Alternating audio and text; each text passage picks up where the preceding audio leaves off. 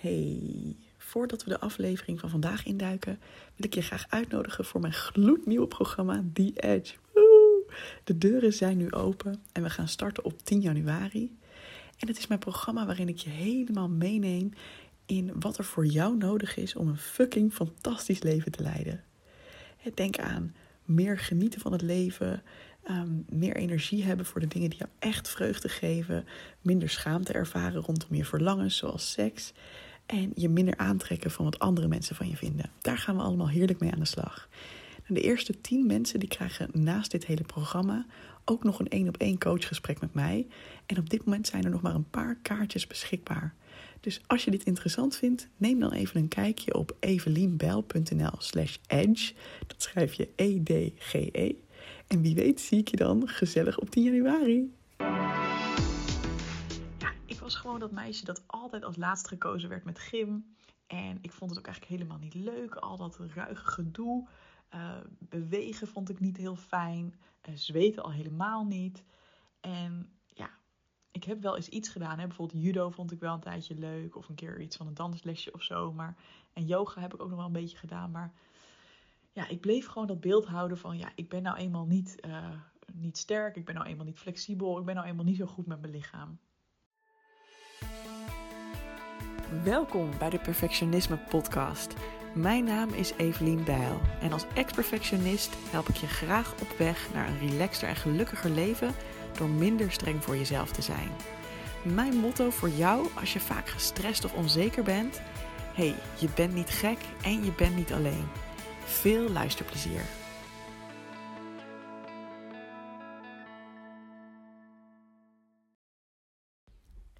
Welkom bij een nieuwe aflevering van de Perfectionisme Podcast. In de vorige aflevering ging het over het halen van mijn rijbewijs. En hoe ik dat gedaan heb met een hele andere mindset dan ik vroeger gedaan zou hebben. Waardoor het veel relaxter ging. En ik mezelf niet zo op mijn kop zat uh, als ik een foutje maakte.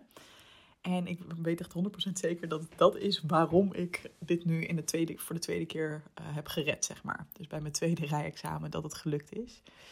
En eigenlijk wil ik vandaag een soort van verlenging daarvan doen. Een soort van verdieping op een thema wat hier wat ook naar boven kwam. Onder andere bij het rijbewijs, bij het halen van een rijbewijs.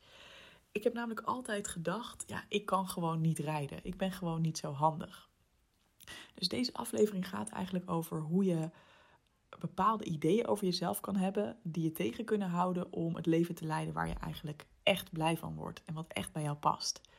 En hoe je daaruit kan stappen, hoe je in een nieuwe identiteit kan stappen, die veel meer mogelijk maakt. En die ervoor zorgt dat er ineens deuren voor je open gaan waarvan je niet eens wist dat die open konden gaan en dat die er waren. Nou, dat eerste voorbeeld is dus inderdaad dat rijbewijs. Ik heb echt heel lang gedacht, joh, misschien maar beter als ik er niet aan begin. Want ik heb ook ooit een keer meegedaan aan een kartwedstrijd. Oh, dit is echt een vreselijk verhaal. Iedereen aan wie ik dit vertel, die lacht me echt keihard uit. Uh, maar voordat ik dat ga vertellen, weet je, ik was gewoon überhaupt iemand als ik op straat fietste. Joh, ik had gewoon echt niet heel veel idee van de, van de verkeersregels. Uh, ik vond altijd dat mensen best wel agressief waren in het verkeer, want ik werd regelmatig uitgescholden. Nu begrijp ik hoe dat komt. oh, je moet dus mensen die van rechts komen voorrang geven. Oké, ja, good to know. Oh, het is niet de bedoeling dat je gewoon keihard doorrijdt bij elk punt waarvan je denkt, ja, kom op zeg, uh, ik heb geen zin om hierop te wachten. Dat is niet de bedoeling. Oh, oké, oké. Okay. ja, nou, uh, ik heb uh, zo wat geleerd, ook met mijn theorie alleen al. Maar ook als het gaat over het idee van ik als bestuurder van een gemotoriseerd voertuig. Ja, daar had ik ook wel, wel minder goede ideeën bij. En die waren deels gebaseerd op mijn ervaring op de kartbaan. als ik eraan terugdenk, dan staat het schaamrood me weer op de kaken.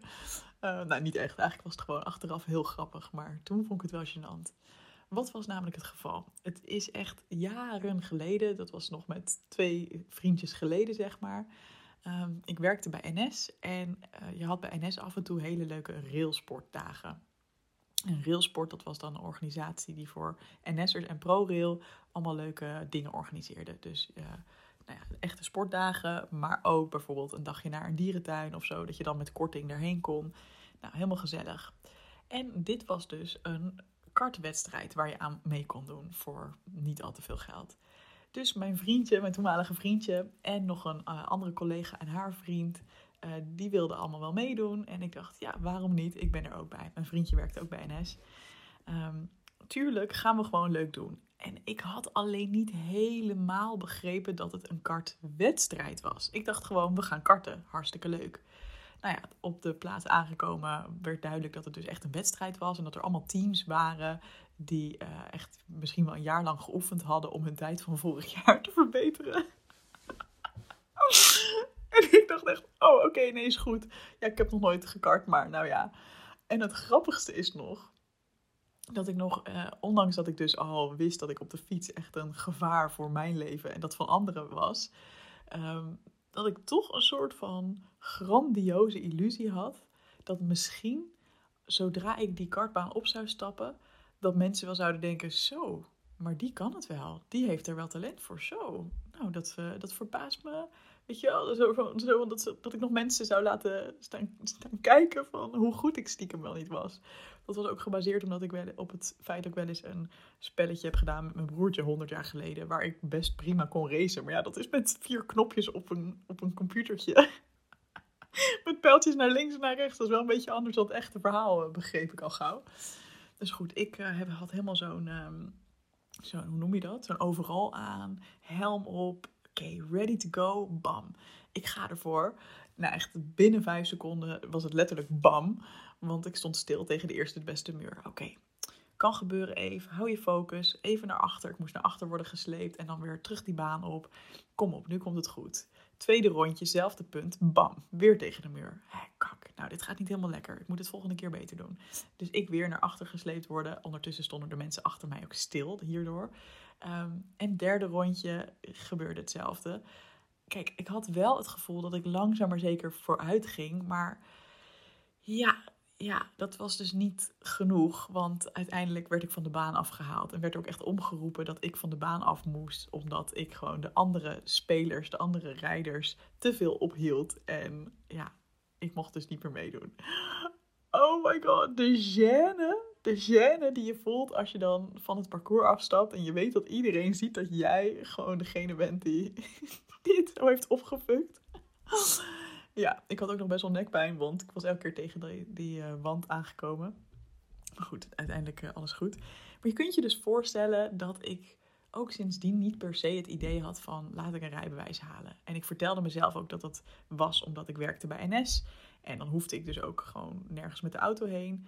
Het was ook waar, maar het was ook gewoon een heel groot deel dat ik dacht, ja, ik kan dat gewoon niet. En op een gegeven moment, vorig jaar, dacht ik, well, fuck it. Ik kijk overal naar met een groeimindset. Dus hè, in de zin van, ik hoef het niet in één keer te kunnen, maar ik mag het leren. Waarom dan niet hiernaar? Dus ik ben het gaan doen. En nou ja, ik zal echt niet zeggen dat ik het grootste, het grootste rijtalent op aarde ben. Maar het is ook weer niet zo dramatisch dat ik het gewoon niet kon leren. Ik bedoel, ja, als je in twee keer je praktijkexamen haalt, is ook echt niet, uh, dat is echt niet slecht, weet je wel.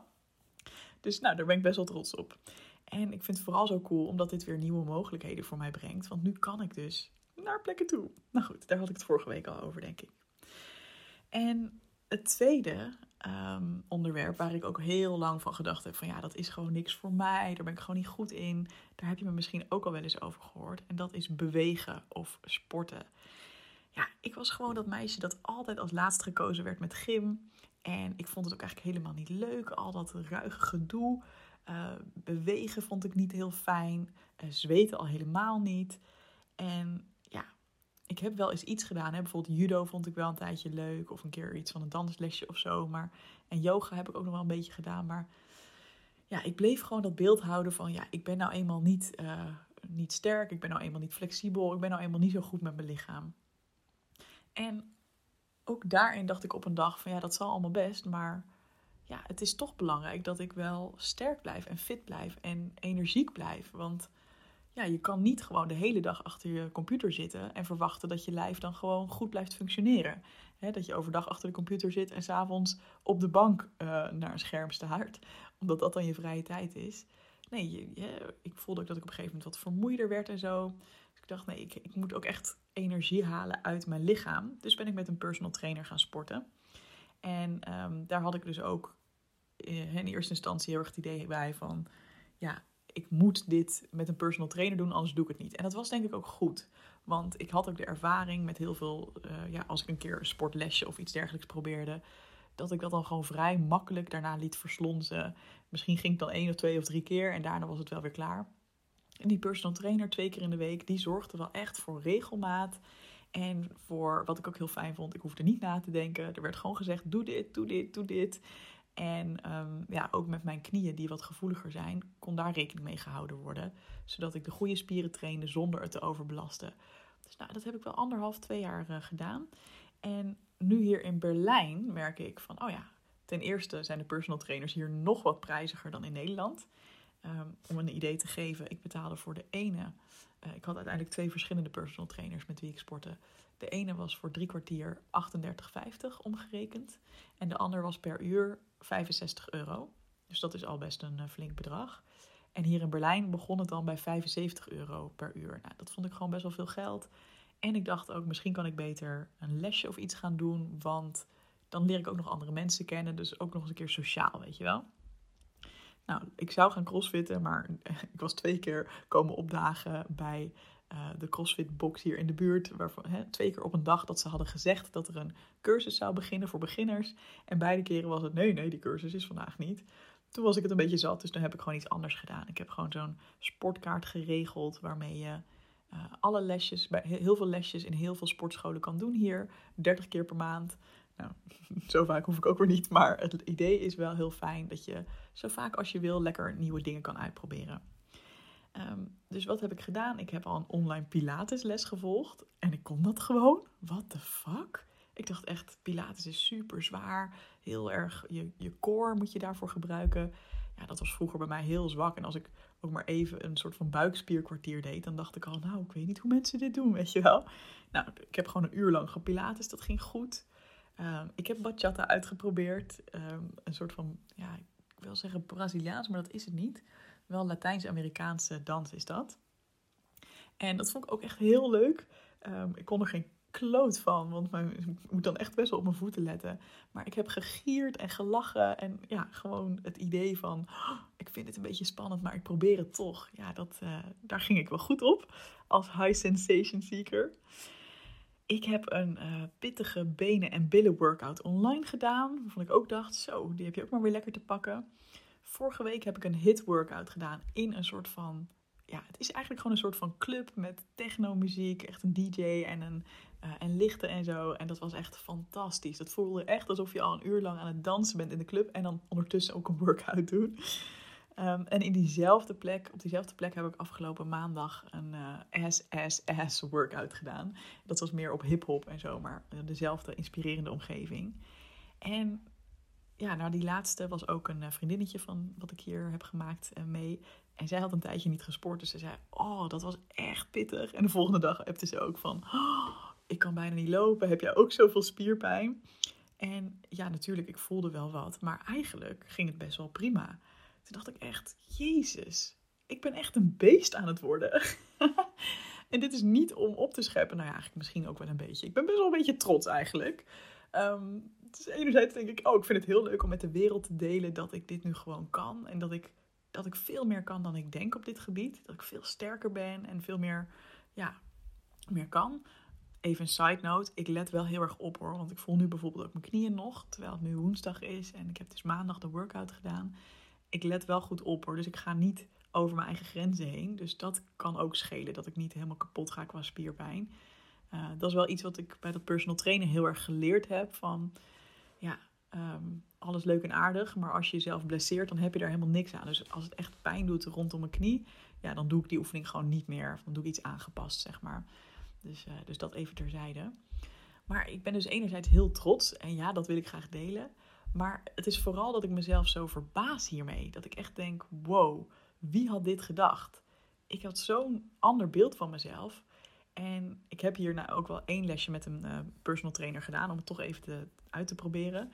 En zij zei ook van, ja, ik zie echt gewoon dat jij wel sterk bent. Gewoon als uh, ze het gemak zag waarmee ik een gewicht even weggooide, zeg maar. Dus ja, ja, je hebt echt al wel flink wat kracht. Dan denk ik, wow, huh? Objectief vinden mensen dat ik sterk ben? Huh? dus ja, dat is wel. eh, ja, ik vind dat gewoon heel tof dat er, dat er vaak zoveel meer in je zit dan dat je zelf doorhebt, dan dat je zelf denkt. En dat is dat hele beeld. En dat, daar moet ik ook echt mee uitkijken dat ik dat oude beeld niet nog steeds projecteer. Want ik merkte dat ik laatst tijdens een date bijvoorbeeld nog steeds zei. Ja, ik ben eigenlijk heel asportief en ik zou het liefst de hele dag stilzitten. En eh, ja, dat klinkt heel verschrikkelijk en zo bedoel ik het niet. Maar als ik in een rolstoel kon worden rondgereden de hele dag, zou ik dat liever doen dan lopen. Hahaha. Nou, dat is natuurlijk een verschrikkelijke grap en ook helemaal niet grappig. Eh, ja, ik mag gewoon hartstikke dankbaar zijn dat ik benen heb die werken. Maar ik was vroeger wel redelijk lui. Dat ik echt dacht van nou, zitten vind ik fijner dan staan, weet je wel. Ehm, en daar moet ik eigenlijk mee stoppen met dat soort dingen zeggen. Want het is gewoon niet meer waar. Het is gewoon niet meer wie ik nu ben. Dus de les hieruit is, weet je, hou jezelf niet gevangen in het oude beeld dat je van jezelf hebt. Weet je, misschien is er nu ook wel iets wat bij jou naar boven komt. Van, hè, iets waar je altijd roept van ja, maar ik ben nou eenmaal puntje, puntje, puntje. Of ik kan nou eenmaal niet goed, puntje, puntje, puntje. Weet je, wat is datgene waar jij jezelf eigenlijk klein houdt door continu dat beeld te blijven benoemen en te blijven bevestigen? En voor sommige dingen is dat helemaal niet erg. Ik bedoel, hè, het kan best wel zijn dat dat iets is op een gebied waar je helemaal niks mee hoeft. Ik zit even na te denken. Ja, op dit moment hè, kan ik bijvoorbeeld zeggen van, nou, ik vind administratie doen niet zo geweldig. Ja, prima, weet je wel. Daar heb ik ook verder geen last van. Maar als het op een punt komt dat het mij in de weg gaat staan bij het leven dat ik graag wil leiden, dan is het belangrijk dat ik het ga aanpakken. Dus dat geldt ook voor jou. Van datgene waarvan jij roept, is er iets waarvan jij roept dat je er niet goed in bent, of dat je er geen talent voor hebt, of dat dat nou eenmaal is hoe jij bent, wat jou eigenlijk in de weg staat, omdat jij het stiekem wel graag zou willen. Of omdat je het stiekem wel fijn zou vinden om daar wel stappen in te kunnen zetten. Nog een heel kort voorbeeld. ik probeer het kort te houden. Ehm, ik heb dat bijvoorbeeld ook uh, tot voor kort gehad als ik, uh, als ik nadacht over daten met hele knappe mannen. Begrijp me niet verkeerd. Ik heb hartstikke leuke vriendjes gehad. En die zagen er gewoon hartstikke goed uit. En die vond ik obviously ook gewoon aantrekkelijk. Um, maar het idee van iemand die echt echt, ja, die, die je echt ziet als gewoon een objectief hele knappe man. Daarvan dacht ik, ja, oké, heftig. Want ik vind mezelf op heel veel gebieden, um, ja, kan ik al heel goed met mezelf leven. Hè, qua persoonlijkheid, qua intelligentie, heel veel dingen. Maar ergens zat er nog iets op het gebied van uiterlijk dat ik dacht, ja, maar die mensen zijn out of my league. En daar kan ik niet mee omgaan hoor. En ik merkte dat ik dat ook aan het vertellen was tegen mijn nicht. En dat zij me ook spiegelde van, hé, maar waar slaat het op? Jij bent toch ook gewoon een mooie vrouw? En hoezo zou, dat, hoezo zou je dat niet in ieder geval aan willen gaan, weet je wel? Want ik, ik gooi dan echt een beetje de deur dicht. Ik denk, nou, daar probeer ik het niet eens mee. Uh, daar zou ik bij wijze van spreken niet eens, uh, als ik een, Bumble match was, um, niet eens tegen gaan praten of niet mee durven afspreken. Want die vinden me dan toch niet, niet leuk genoeg in het echt.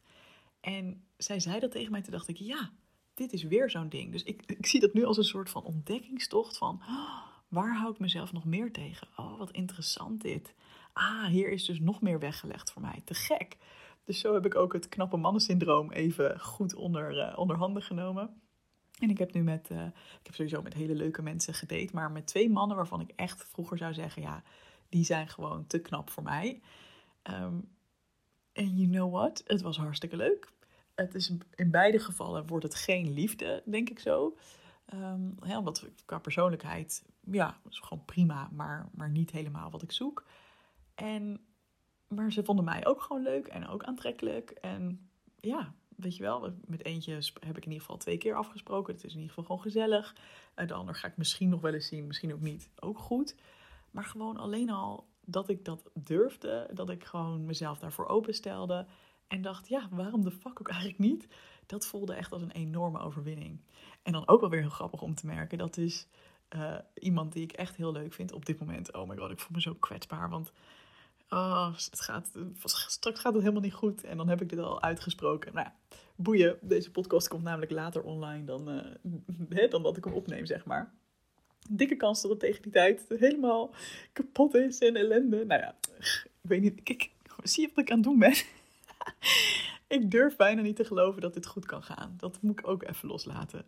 Ehm, nu, terwijl ik deze podcast inspreek, gebeurt gewoon dit proces van mezelf belemmeren en klein houden. Ah, ik ga het loslaten. Nee, dit is gewoon, het is leuk. En natuurlijk, we weten niet waar het heen gaat, maar I deserve good things. Good things are coming to me. maar grappig om te merken dus dat degene waar ik het allermeest in geïnteresseerd ben en het meest gevoelens voor heb op dit moment, dat het helemaal, hè, die vind ik trouwens ook hartstikke knap, hartstikke knap gezicht. Ehm, maar dat is helemaal niet zo'n, zo'n die Adonissen, zeg maar, die, uh, die andere twee, zeg maar, waren. Uh, die zijn bijvoorbeeld gewoon wat langer en uh, ja, weet je, meer dat. Ja, boeien. Uiteindelijk maakt dat uiterlijk dus ook gewoon, ja, tuurlijk, je moet iemand aantrekkelijk vinden, je moet iemand leuk vinden, maar het is ook allemaal niet zo heel boeiend of zo. En daarom denk ik ook, ja, mensen kunnen mij knap vinden, mensen kunnen me niet knap vinden, mensen kunnen mijn persoonlijkheid leuk vinden of niet. Maar het gaat er vooral om of het klikt met elkaar en of er een soort van chemistry is. En dan is het helemaal niet zo van, oh ja, dan moet je dus aan deze en deze, deze dingen voldoen om ja, goed genoeg te zijn voor die ander. Weet je, iemand kan mijn type zijn, iemand kan niet mijn type zijn. Net zo geldt dat voor mij. En dat zegt niks over dat ik niet knap genoeg ben. Of weet je wel? Nee, wat een onzin. Het zegt gewoon iets over, over de match die er tussen twee mensen is. Nou, ik uh, heb even genoeg geluld voor nu. Lekker kwetsbaar dit. Maar goed, hou ik ook wel van. Ik zou het echt super leuk vinden als je mij even laat weten of er ook iets is waarvan je denkt, ja, daar hou ik mezelf nog wel klein in. Of daar, daar heb ik ook nog wel een oud beeld van mezelf, wat ik graag los zou willen laten. En laat me dan ook even weten wat je dan graag wel zou willen geloven. Of hoe je jezelf wel graag zou willen zien. Uh, dat kan bijvoorbeeld op Instagram, um, bijvoorbeeld in de DM. Uh, je mag me een mailtje sturen op evelien.doelgerichtecoaching.nl. En uh, ja, ik hoor heel graag van jou. En graag tot volgende week weer. Doei doei! Hey, vond je deze podcast te gek? Check dan zeker even mijn online programma Goed Genoeg, speciaal voor perfectionisten. Want heel eerlijk, in je eentje kun je ook een heel eind komen met het loslaten van je perfectionisme. Maar als je meedoet aan dit programma, heb je alle tools in handen om veel sneller deze ontwikkeling door te maken. Ga naar doelgerichtecoaching.nl slash goed genoeg en wie weet zie ik je binnenkort.